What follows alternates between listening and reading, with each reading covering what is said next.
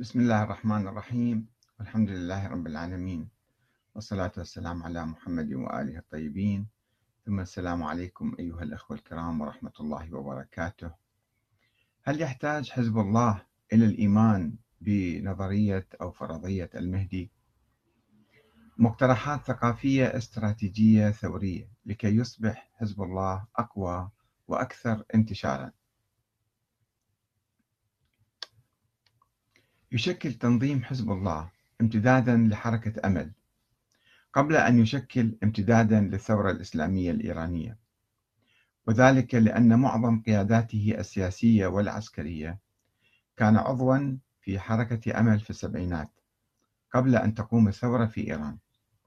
وظلوا في حركة أمل حتى عام 1982 عندما احتلت إسرائيل الجنوب اللبناني وبيروت.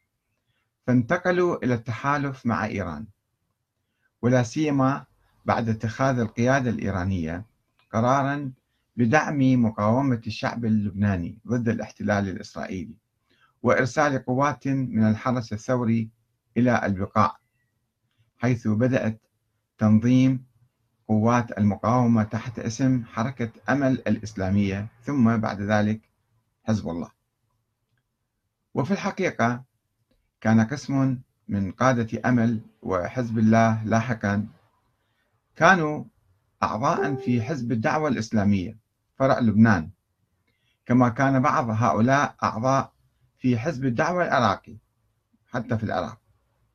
وعندما أقام حزب الدعوة علاقات مع الجمهورية الإسلامية الإيرانية الوليدة كبقية الأحزاب العراقية والشيعية والإسلامية قام أحد أعضاء الحزب الشيخ علي الكراني بإقامة علاقات خاصة مع إيران لصالح الحزب في لبنان عام 1980 81 وذلك عبر مكتب حركات التحرر آه، أو قسم حركات التحرر في الحرس الثوري الإسلامي الذي كان يرأسه يومها السيد مهدي الهاشمي قريب الشيخ المنتظري ويديره أخوه السيد علي الهاشمي.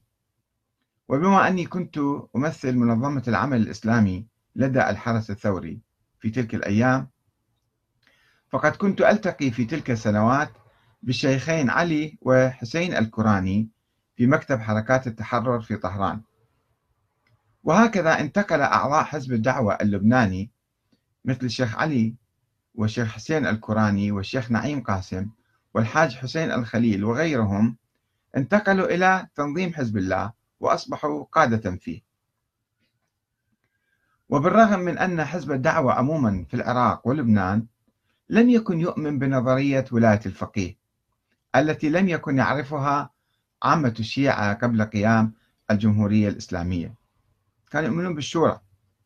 ولم يكد المجلس التأسيسي الدستوري في إيران يقرها إلا بصعوبة يعني حتى في إيران نظرية ولاية الفقيه لم تكن مطروحة بقوة. فبصعوبة أقروها في الدستور.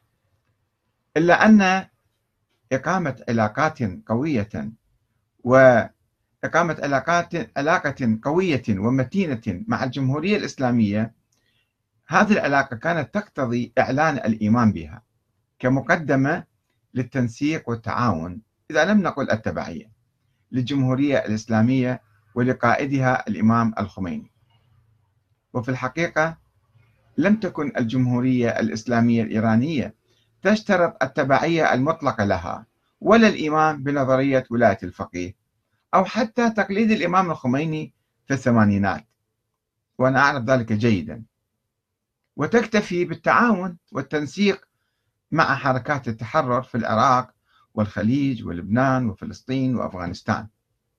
وقد أصبح السيد محمد حسين فضل الله اللي كان هو وكيل الإمام الخوئي آه، أصبح آه، قائد وقائد حزب الدعوة في لبنان أصبح مرشدا عاما لحزب الله في الثمانينات وعلى علاقة وثيقة مع الجمهورية الإسلامية الإيرانية. حزب الله والحصار الطائفي. عرفنا مما سبق في حلقة سابقة تحدثت عن هذا الموضوع. بأن حزب الله وليد التطور الفكري السياسي الجذري الذي حصل في صفوف الشيعة في العقود السبعة الأخيرة. ابتداء من تأسيس حزب الدعوة وتأسيس حركة المحرومين أمل والجمهورية الإسلامية الإيرانية. وأن الحزب كان أقرب إلى الفكر الثوري الشيعي اللي حقيقة يمكن نطلق عليه السني أيضا. يعني لا فرق بين الشيعة والسني الآن. فكان الحزب أقرب إلى الفكر الثوري الشيعي السني بالرغم من مظاهر وشعارات وبقايا طقوس الفكر الإمامي الاثني عشري بالأعلام وبالصور وبالرموز وبعض الممارسات يعني.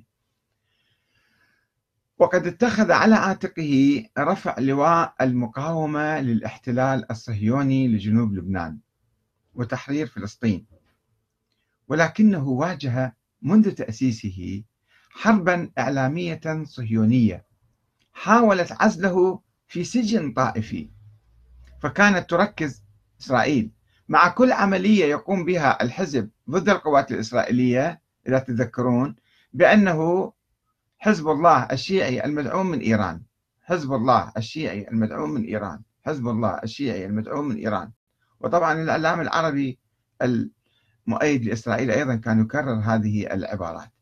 وذلك في محاولة لعزله عن محيطه اللبناني والعربي السني بصورة عامة. أن شيعة مدعومين من إيران فما خص العرب وما خص السنة بهذا الحزب.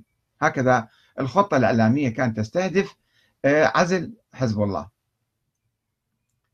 وذلك في محاولة آه، لعزله عن آه، محيطه اللبناني والعربي السني ومنع التعاطف الشعبي معه. وفي الحقيقة وقد نجحت إسرائيل بدرجة كبيرة في مهمتها تلك. في الوقت الذي كان يكافح حزب الله على الاندماج مع المحيط العربي وكسب التأييد الشعبي العام له. وقد ساهم النظام اللبناني الذي يقسم المواطنين في الهوية إلى طوائف إسلامية ومسيحية ومذاهب سنية شيعية علوية درزية ويلصق صفة الشيعية بحزب الله وعموم الشيعة في لبنان. غصبا عنهم يولدون هم شيعة حسب الهوية.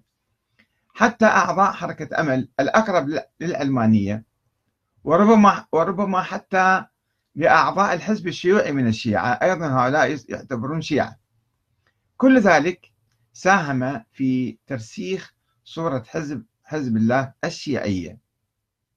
الصفة يعني هي آه، خفيفة ورقيقة وربما تكون دقيقة يعني.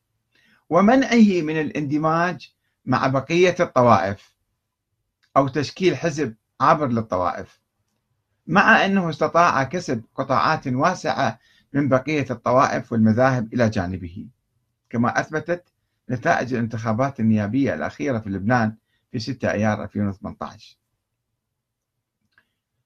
ومن المعروف أن حزب الله يتصدر مع حركة أمل صفوف الطائفة الشيعية في لبنان ويمثلها في مجلس النواب ويأخذ حصص الطائفة من الكعكة اللبنانية الوزارة يعني الموزعة على الطوائف حسب النظام الطائفي اللبناني إلا أنه كان بإمكانه أن يؤسس حزبا وطنيا ديمقراطيا عابرا للطوائف كما هو حال الحزب القومي السوري الاجتماعي أو الحزب الشيوعي حتى الذي يضم في صفوفه مختلف مختلف الطوائف والمذاهب. ولكن حزب الله لم يقم بذلك حتى الآن وهو ما يفقده ورقة مهمة في الصراع السياسي والإعلامي في لبنان والمنطقة العربية في ظني. والله أعلم. وحسب معلوماتي التاريخية والوثيقة مع أصدقائي من قادة وشباب حزب الله فإن ثمة في داخله تياران. أحدهما يدرك التطور الفكري الديمقراطي الحاصل في الفكر الشيعي والآخر يتشبث بشدة بالفكر الطائفي الموروث وهو ما يزيد الهوة بين الحزب وبين محيطه السني.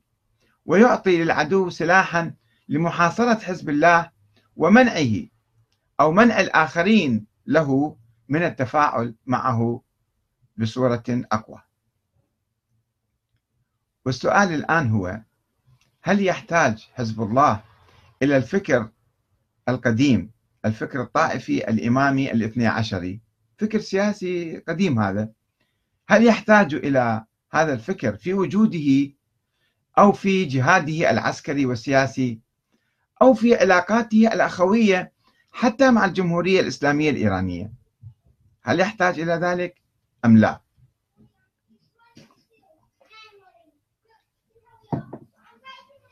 إن قيام حزب الله برفع راية المقاومة والثورة والمشاركة السياسية أو تأسيس أي دولة يعني تجاوز الفكر الإمامي والتخلي عن شروط الأسمى والنص والسلالة العلوية الحسينية في الإمام. أو الزعيم والقائد. والاستغناء عن الافتراض التعسفي بوجود الإمام الثاني عشر محمد بن الحسن العسكري المهدي الغائب المنتظر. المخالف للظاهر من حياة أهل البيت ووصية الإمام العسكري نفسه والمخالف أيضا لسنة الله في الحياة بلا أي دليل. إن الحاجة للتعاون والتنسيق أو حتى التبعية للجمهورية الإسلامية نفترض لا تحتم التبعية الفكرية لنظرية ولاية الفقيه أو الفكر الإمامي المهمل في إيران. وبإمكان الحزب المحافظة على علاقاته الاستراتيجية مع الجمهورية الإسلامية التي لا تمانع من دعم أي حركة مقاومة كما تدعم حركتي حماس والجهاد السنيتين في فلسطين وغيرها. وتدعم كذلك كثيرا من الحركات والأنظمة السنية والشيعية التي لا تؤمن بنظرية ولاية الفقيه أو الفكر الإمامي. كالنظام السوري مثلا وغيره من الأحزاب والحركات الوطنية التحررية الأخرى في العالم. قد يقول قائل بأن الحزب يحتاج إلى طرح موضوع الإمام الإيمان بالإمام المهدي. من أجل تعبئة قواته وشحن أنصاره بالأمل ودفعهم للتضحية والعمل. وهذه الحاجة ليست مؤكدة إذ أن كثيرا من حركات المقاومة في العالم الإسلامي والعالم بصورة عامة تعبئ جماهيرها وأنصارها بفكر المقاومة على أسس وطنية موضوعية وليست بحاجة إلى الإيمان بوجود الإمام المهدي. يكفي الإيمان بالله تعالى. وأخيرا أقول لو استطاع حزب الله القيام بثورة فكرية تاريخية وإعادة قراءة الفكر الشيعي من جديد بما يعيده إلى فكر أهل البيت الأصيل فكر الشورى والثورة والعدل والجهاد والذي لم يعرف أسطورة وجود الولد للإمام العسكري لاستطاع أن يكسب ورقة استراتيجية ثقافية مهمة جدا تؤهله لقيادة المقاومة الوطنية ضد المشاريع الاستعمارية والصهيونية في العالم العربي وليس في لبنان فقط وتحطيم الحواجز الإعلامية والنفسية والسياسية التي تضربها حوله إسرائيل والأنظمة العربية العميلة والمستبدة. والسلام عليكم ورحمة الله وبركاته.